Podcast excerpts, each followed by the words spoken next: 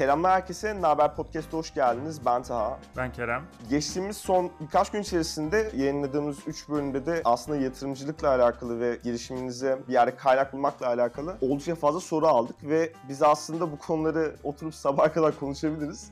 Ama bir yandan dedik ki aslında bizim pek uzmanımız olmayan bir alan. Çünkü her ne kadar bu girişim yatırım ekosisteminin içinde de olsak işi aslında kelimenin bir anlamıyla bir duayeninden dinlemek istedik. O yüzden bugün e, yanımızda çok değerli bir konuğumuz var. E, Türkiye'deki ilk risk sermayesi fonunun 212'nin kurucularından e, Ali Karabey bizlerle birlikte. Ali Bey selamlar, hoş geldiniz. Hoş bulduk. Nasılsınız, nasıl gidiyor? Olabileceğimiz kadar iyiyiz. Ofisimizdeyiz. Kaç gün olmuş? 40 gün olmuş ofisteyiz. Tek başımayım ama ofiste çünkü herkes evden çalışıyor 40 günden beri. Ee, online'dayız tamamen. Ee, bu korona zamanını bir şekilde geçirmeye çalışıyoruz verimli bir şekilde. Süper. Ben o zaman şöyle bir soruyla başlayayım. Aslında podcast bizim biraz daha genel bir dinleyici kitlesine hitap ediyor. Dolayısıyla aslında girişimcilik ekosistemine bir nebze uzak olan dinleyicilerimiz de olabilir. Dolayısıyla sizden bir aslında ben hem 212'nin öncesine hem de 212'nin ile birlikte nasıl bir yıldan yıla evrildiğini aslında çeşitli fonlarla birlikte onu dinlemek isterim. O yüzden sözü size bırakayım. Elbette 212 öncesi benim hayatım e, biraz daha farklı.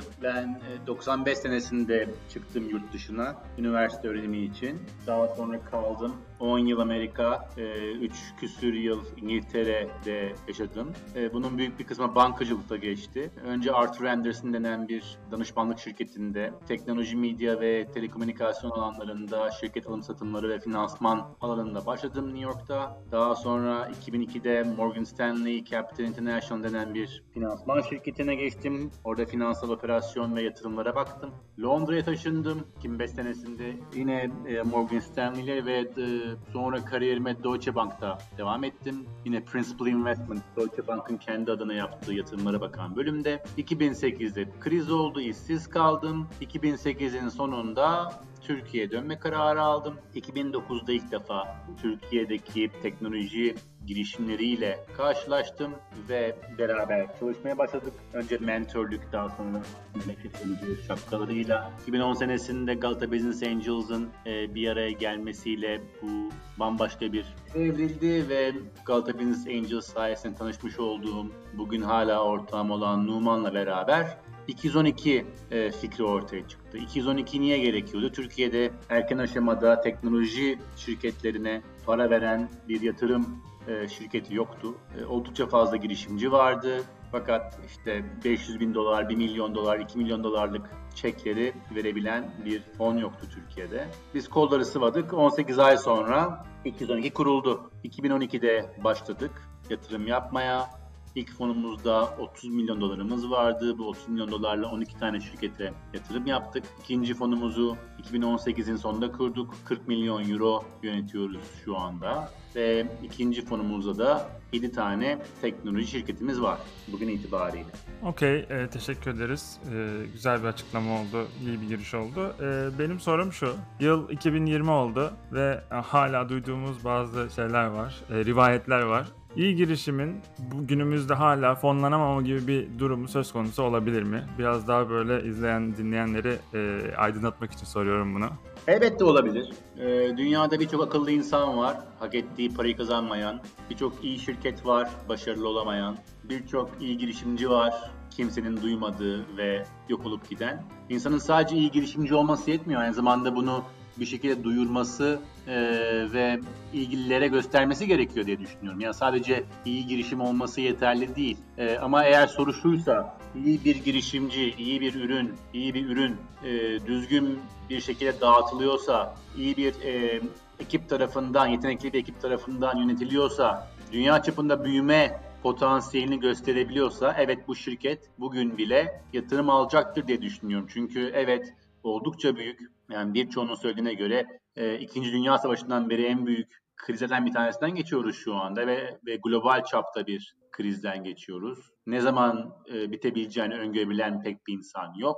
E, hem arzı hem talebi etkileyen bir krizden geçiyoruz. Değil sadece finansal piyasaları, bütün piyasaları etkileyen bir krizden geçiyoruz. Bununla beraber dünyada çok fazla para var. Ve bu para bu krizin etkilerini azaltmak için son zamanlarda daha da arttırıldı Amerika tarafından özellikle. E, bu paranın bir yere girmesi gerekecek. Bu paranın değerlendirilmesi gerekecek hak eden şirketler tarafında. O yüzden dediğim gibi eğer iyi bir ekip, başarılı bir ekip, bunun e, alacakları paranın büyük bir getiriye e, sahip olacağını gösterebilirse potansiyel yatırımcıya bugün de Türkiye'de de herhangi bir ülkede de yatırım alacaktır. Süper. Şuna değinmek istiyorum. Şimdi bahsettiğiniz aslında sizin tam Türkiye'ye dönüşünüz bundan bir önceki aslında böyle bir ekonomik krizle karşı karşıya. Çünkü tasvir etmek çok zor. Yani her şey çok yeni olduğu için olaya hangi açıdan bakmamız gerektiği aslında biraz böyle bir kafalarda soru işareti. Ama o dönemler e, dünyada global olan startupların kurulduğunu görüyoruz. İşte Uber'lerin, Airbnb'lerin başladığı yıllar aslında. Burada o dönemde başlayan işte girişimlerin aslında tekrar o globallikte, o seyirde yeni girişimler çıkacağını düşünüyorum. Ama bir yandan da bu girişimlerin alanları sizce hangi yönde olacak? Çünkü bahsettiğimiz Uber ve Airbnb modelleri aslında şu anki durumda pek aslında bir bakıma çalışmayacak gibi duruyor. Sizce bu Outbreak'te çıkan e, yeni girişimlerin fokuslarının konumda olur sizce? Ee, şimdi bu biraz e, tehlikeli bir analiz. Birçok arkadaşımızın da e, yaptığı. Ne diyoruz? İşte birçok e, başarılı girişim kriz döneminde ortaya çıkmıştır. Bakın Uber'e ve Airbnb'ye. Tabii düşünmediğimiz başka bir şey var. O dönemde kurulan binlerce belki yüz binlerce şirket var. Aralarından Uber ve Airbnb'yi aslında örnek olarak gösterebiliyoruz. Bu demek değil ki şu anda kurulan her girişim e, ileride bir bir sonraki Uber, bir sonraki Airbnb olma şansına sahip.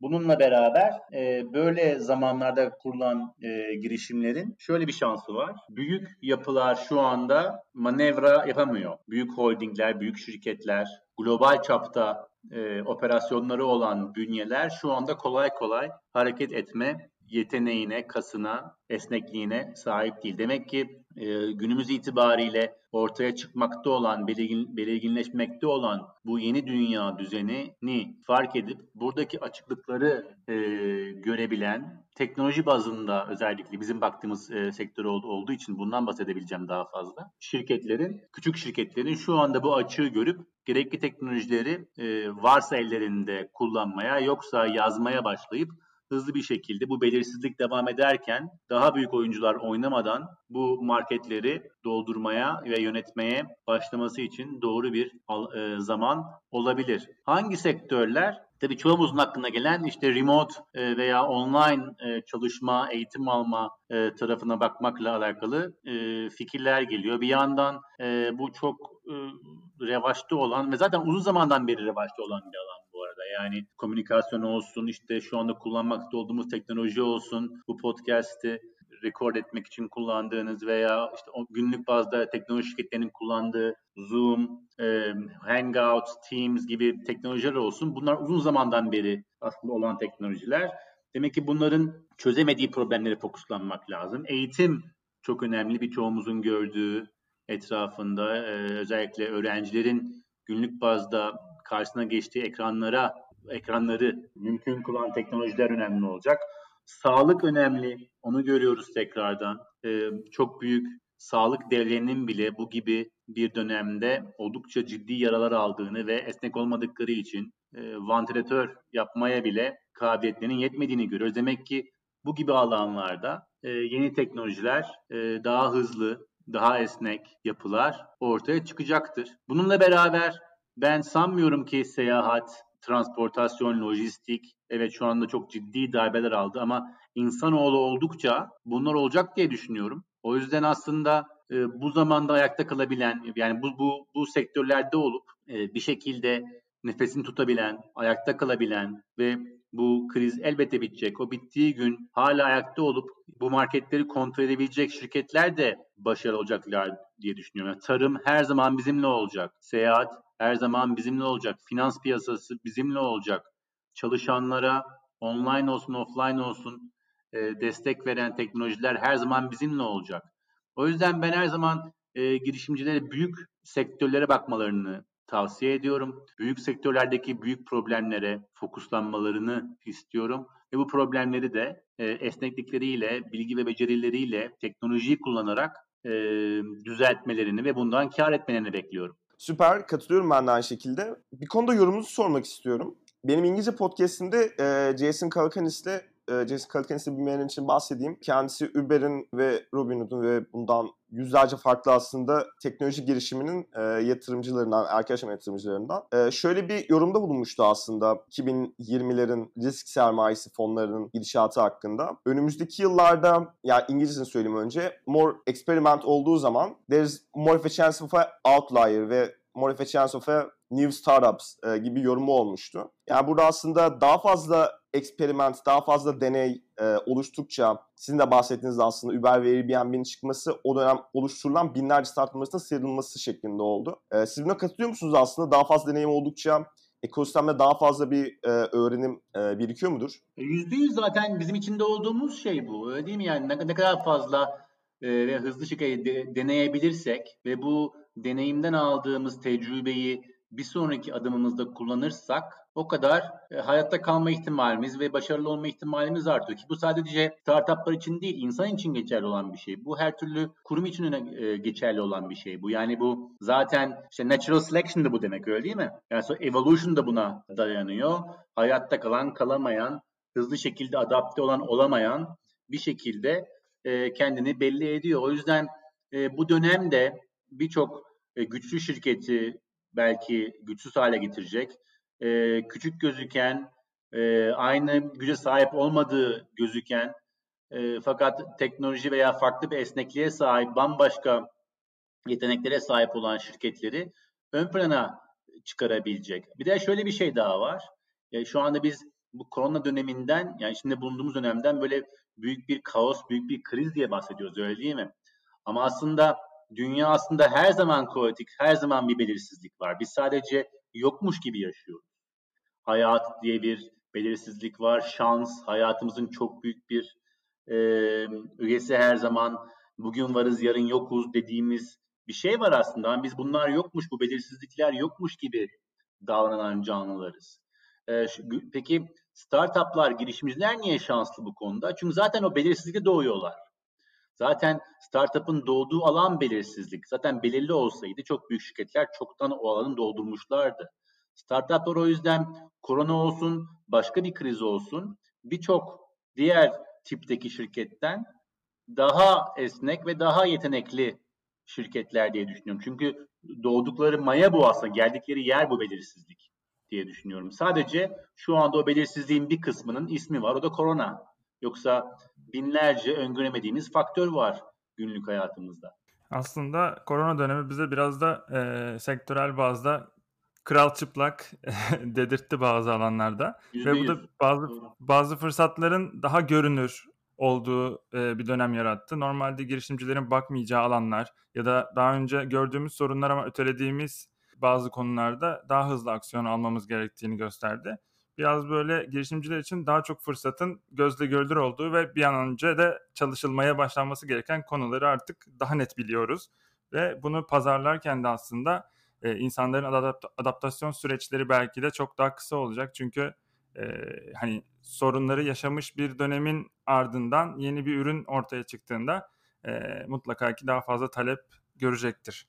Benim sorum da şu olacak size. Mesela böyle bir dönemde ürünümüzü e, pivot ederken ve söz konusu yatırımcılarımız da varken e, ne kadar onlarla dirsek temasında olmalıyız? Daha önce çıkardığımız bir ürünü pivot ettiğimizde onların fikirleri bizim için değerli olsa gerek. Çünkü onların ilk yatırım yaptığı fikrimiz aslında şu an dönüşüm aşamasına girdi diyelim.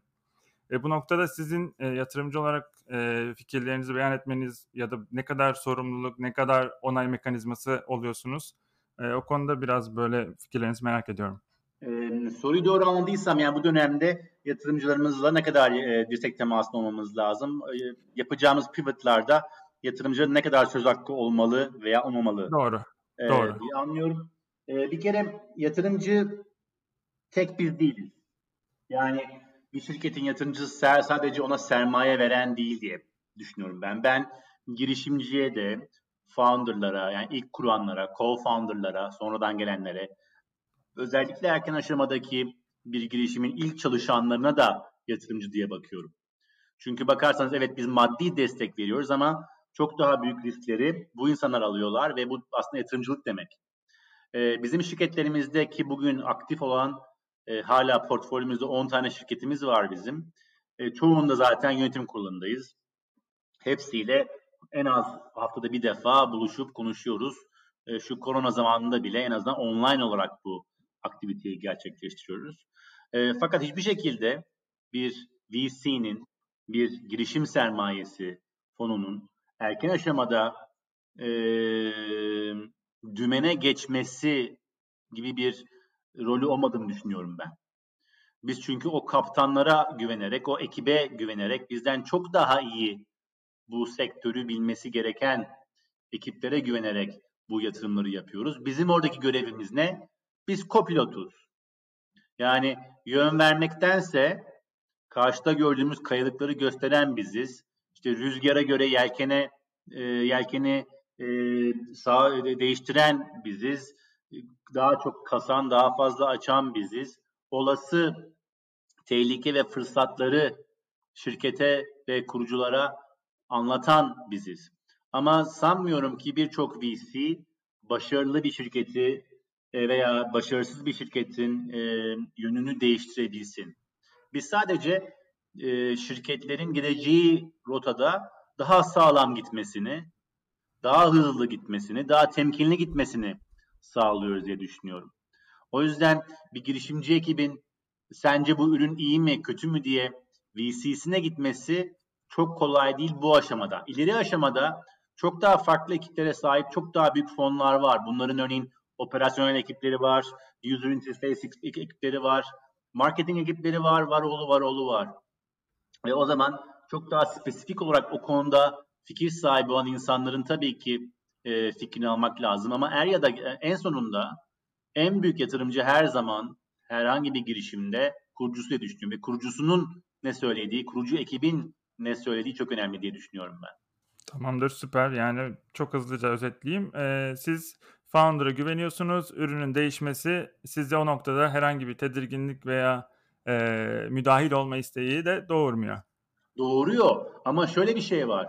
Eğer founder ve kurucu ekip bize neyi niye yaptıklarını düzgün bir şekilde anlatırlarsa ki anlatırlar biz e, bunu gördükten sonra hayır bunu yapamazsınız demeyiz. Dememiz için sahiden çok ekstrem bir şey olması lazım. Yani bizim siyah dediğimizi onların beyaz demesi lazım. Onların hiç görmediği bir şeyi bizim görmemiz lazım. Ki bu da çok az rastlanan bir şey. Yani 7 gün 24 saat bu sektörde oturan, yıllarını vermiş olan bu sektöre bir ekipten e, bir VC ekibinin, bir girişim sermayesi ekibinin daha akıllı, daha fikirli olması çok kolay değil diye düşünüyorum. Bundan da başka, örneğin çok soru gelir bize hem kendi girişimlerimizden hem de e, bizimle temas olan girişimlerden. Hem derler ki işte yeni bir sürüm çıkardık, bakar mısınız güzel olmuş mu? Yeni bir işte application çıkardık, test eder misiniz güzel olmuş mu? Ben yapmam bunu hiçbir zaman. Onun yerine derim ki binlerce müşterin var, onlara sor. Yani sonuçta benim veya ekibimin biz 8 kişiyiz. Bu 8 kişinin verebileceği feedback bu binlerce kişinin veya seni kullanmakta ve sana para vermekte olan müşterilerinden daha akıllı olmasına ihtimal yok. Ben böyle düşünüyorum. Süper. Yani aslında e, şunu diyebilir miyiz? Zaten siz yatırım yaptığınız girişimcilerle bu due diligence diyeceğim ama Türkçesini de söyleyeyim. Yatırım e, kararı verilmesi aşamasında burada sizin aslında e, gerekli dokümanları incelemeniz, şirketle alakalı kendi görüşlerinizi belirtmeniz. Bu evrede zaten girişimciyle bir aradaki vizyon farkının e, kalktığını düşünüyorum. Çünkü zaten siz o aradaki e, vizyonu gördüğünüz için, e, arada bir vizyon uyuştuğu için e, yatırım yapıyorsunuz. Doğru. Aynen öyle. Biz biz neye bakıyoruz? Demin söylediğim gibi. Yani bizim baktığımız yer veya biz derken e, 212 özelinde konuşuyorum. Eminim herkesin farklı bir e, yoğurt yiyişi vardır. E, bizim baktığımız birkaç tane şey var. Bir, e, büyük bir problem, büyük bir sektör ve onun büyük problemi. Ve bu problemin çözümü için canla başla çalışan, problemin ne olduğunu iyi gören ve bunun buna bunu çözme kapasitesine sahip olduğunu bize gösterebilen çok iyi ekipler. Bizim görmek istediğimiz bu aslında. Yoksa bugün itibariyle nasıl çözdükleri evet çok önemli ama bununla beraber erken aşamada şunu da farkında olmak gerekiyor. Bugünkü çözüm yarınki çözüm olmayabiliyor çoğu zaman. yarın bambaşka bir realite olabiliyor. Bugün gördüğümüz gibi. Yarın o ekibin aynı problemin peşinden bambaşka bir çözümle gidebilmesi gerekiyor. E, o da demin konuştuğumuz gibi e, farklı e, testlere, farklı deneyimlere e, e, izin vermekle oluyor ancak. Ve ancak bu esnekliği gösterebilen e, kişiler o problemin çözme şansına sahipler. Diğer türlü fikrine fikrine aşık olan insanlar maalesef bizim dünyamızda bu kadar çok, bu kadar sık, bu kadar büyük değişikliklere değişikliklere e, gele bir dünyada çok başarılı olamıyor. O yüzden biz ben hep şey derim. Fikrine mi aşıksın yoksa o fikirle çözmeye çalıştığın probleme mi aşıksın? Ben probleme aşık olan insanları seviyorum. Yani büyük olsun, güzel olsun ve o problemi çözmek için canla başla farklı çözümler üzerine çalışalım. Ee, bir tane unik bir örnekten de olsa bir sorun var aslında. Merak ediyorum biraz görüşünüzü. Ee, WeWork örneğini soracağım size. Ee, biliyorsunuz ki SoftBank ve girişimcinin kendisi arasında ciddi bir sıkıntı yaşandı. Ee, sizin daha önce böyle deneyimlediğiniz girişimciyle e, fon olarak yaşadığınız bir problem veya m, bahsedebileceğiniz biraz insight, anekdot var mı hiç? O boyutta yok. Ee, maalesef ve ne iyi ki. Yani çünkü e, bir yani bizim milyarlarca dolarımız yok. E, bu aslında hem kötü bir şey çünkü e, çok daha küçük paralar yönetiyoruz ama bir yandan da iyi bir şey. E, çünkü bu kadar büyük problemlere imza atmıyoruz. E, elbette oluyor. Dediğim gibi bakın bizim ilk fonumuzda 12 tane, ikinci fonumuzda 7 tane yatırım yaptığımız şirket var. Ve bunların çok büyük bir kısmı erken aşama daha işte 10-15 kişilik ekipler kurulan, her tarafından kurulan şirketler aslında. Elbette çok fazla inişi çıkışı, stresi, e, kavga gürültü olabilen zamanlar bunlar. Ama şöyle bir güzellik var bizim işimizde, girişim sermayesinde. Akıllı ekipler ki bence bizim yatırım yaptığımız hepsi çok iyi ekiplerdir. Ee, bizimle aynı teknede olduklarını görüyorlar. Bizim para kazanmamızın tek yolu var. O da nedir? Bir girişimcinin çok başarılı olması. O yüzden masada oturan, e, yönetim kuruluna katılmış olan bizleri aslında yardımcı olarak görmesi gerekiyor. Çünkü biz ancak o oh, çok başarılı olursa başarılı olacağız. Diğer türlü bizim değil paramızı geri almak bir kuruş geri almamız çoğu zaman imkanı imkanı yok. O yüzden ben e, girişim sermayesine e, çok farklı bakıyorum. Çok güzel bir ortaklık bence. Çünkü hem yatırımcının hem girişimcinin bütün e, risk risklerinin ve potansiyel elde edebilecekleri getirinin paralel olduğu, el ele gittiği bir yatırım aracı girişim sermayesi. O yüzden iyi olan ekipler de bizim bir ekip ekibin parçası olduğumuzu, onların yoldaşı olduğumuzu, iyi günde ve kötü günde ki çoğu zaman kötü gün zor gün oluyor bizim hayatımızda takdir edersiniz ki erken aşamada. Beraber yürüdüğümüzü e, anlıyorlar diye düşünüyorum ben. Çünkü biz para verelim, bizim verdiğimiz para borç değil, geri ödemeleri gerekmiyor. Bizim verdiğimiz para tamamen sermaye ve biz bu parayı bankaların borç vermediği insanlara veriyoruz. Yani bizim bakarsanız hiç sanmam ki para vermiş olduğumuz herhangi bir girişimci bizden önce borç alabilsin. Biz bankaların yani bizden çok daha düşük riske sahip olan e, finansal kuruluşların borç vermediği şirketlere sermaye veriyor. Bu da ne demek? Ben seninle beraberim. Ben sen ancak başarılı olursam başarılı olacağım. O yüzden biz ortağız. Artımız da bir, eksimiz de bir. Gel beraber bu yolda yürüyelim. Süper. Ee, burada e, son olarak şunu sormak istiyorum. E, şimdi sizin de aslında e, çokça bahsettiğinizi düşünüyorum. E, Türkiye'deki aslında yatırımların e, bir yerde ne zaman bir aslında ivmeye kalacağı ve bu başarı hikayelerinin e, bence örnekleri son zamanlarda çokça arttı. Sizin de portföyünüzde olan çoğu girişimden güzel haberler aldık. E, şu an aslında girişimcilerin bir bakıma yakındığı Türkiye'deki e, yatırım miktarlarının düşük olduğu bir gerçek var. Yurt dışındaki rakipleriyle e, yarışma açısından bir yerde gerekli kaynağı bulamayabiliyorlar. Burada e, sizin ilerleyen dönemlerdeki Türkiye'deki tohum ve e, işte A serisi yatırımların e, yatırım tutarları nasıl bir ivme kazanır? Bu konu düşünceniz neler? Ee, bilmeyenler için biraz rakam konuşalım isterseniz. Ee, Avrupa Avrupa Birliği'nde yıllık erken aşama teknoloji yatırımı kişi başına 30 euro seviyesinde. Türkiye'de 1 euro değil. Yani Avrupa'ya göre 30'da 1 gibi bir e, rasyomuz var. E, İsrail'e bakarsak 300'de 1 bu arada bu. Yani oldukça düşük bir erken aşama teknoloji yatırımı var maalesef Türkiye'de. Bununla beraber bu hiç yoktu. Biz ilk başladığımız yani 2012 senesinde işte birkaç tane şirket vardı. Hasbelkader yola çıkmış, biraz para bulmuş. İşte bunlar kim? Gitti gidiyor, Yemek Sepeti gibi şirketler, Trendyol. E, fakat bunun işte 10 tane şirket vardı belki. Bugün yüzlerce şirket var. Bugün e, biz ilk fonduk, girişim sermayesi fonuyduk. Bugün nereden baksanız e, kurulmuş ve kurulmakta olan 5-6 tane şirketten bahsediyoruz. E, en basitinden bizim bugün e, demin verdiğim veriyi e, takip eden şirket yoktu. Bugün Startup Watch diye bir şey var en azından. Bütün bu istatistikler e, günlük, haftalık, aylık bazda takip edilip paylaşılıyor. Bununla beraber tabii ki daha çok boşluk var.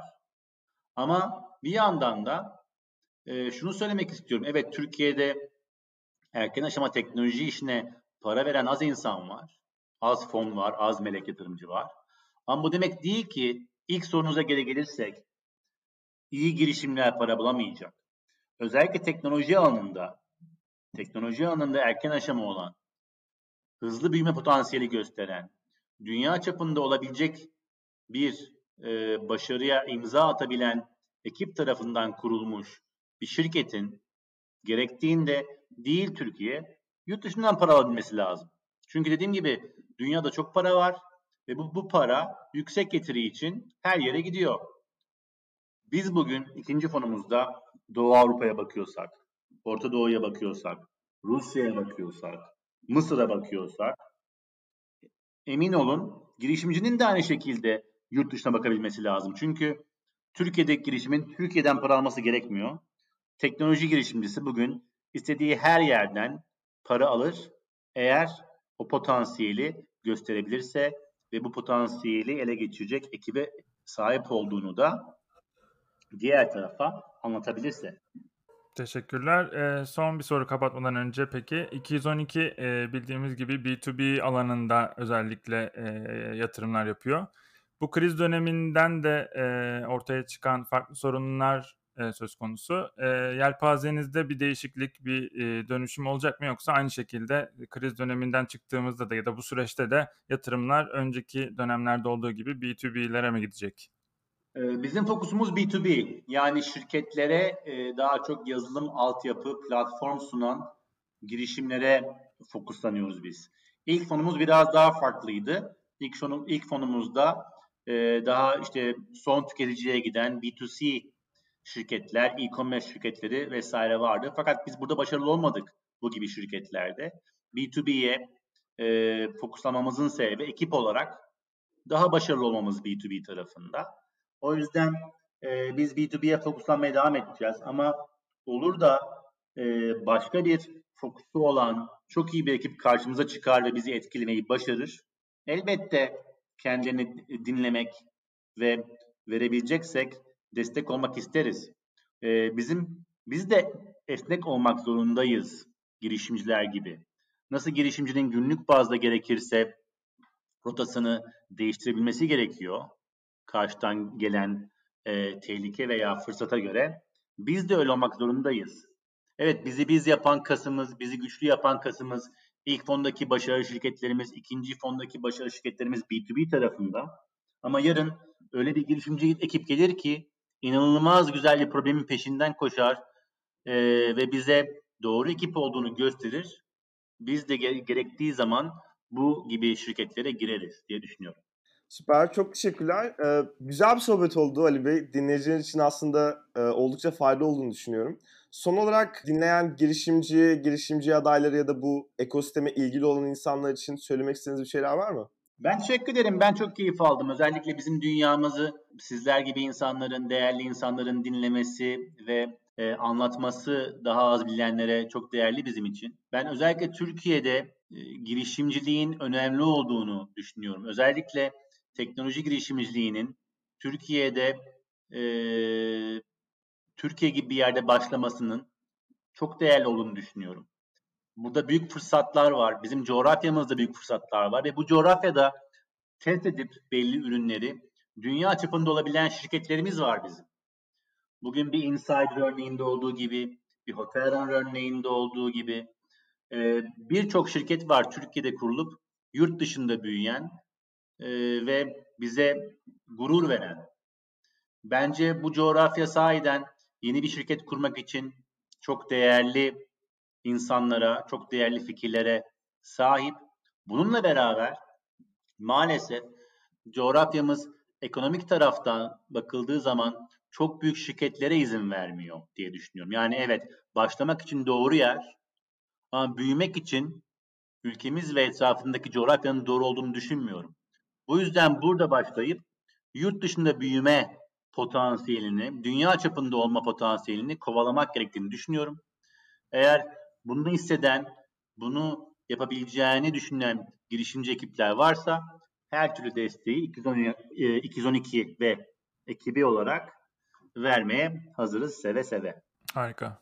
Süper çok teşekkürler. Naber Podcast'in bu bölümünün sonuna geldik. Ali Karabey'i Twitter'dan Karabey kullanıcılarıyla takip edebilirsiniz. Ayrıca bize olan sorularınızı Instagram ve Twitter üzerinden Naber Podcast e, hesabından belirtmeyi lütfen unutmayın. Bu arada Twitter'dan şeyden de bahsedeyim. Ali Bey'in hesabında eğer bir numara tweet'i görürseniz bilin ki yeni bir yatırımları olmuştur. Ben de aslında Ali Bey'i takip etme sebeplerinden biri de o. Kaç olmuştu en son? 18 miydi? Şu anda 19'dayız. Süper.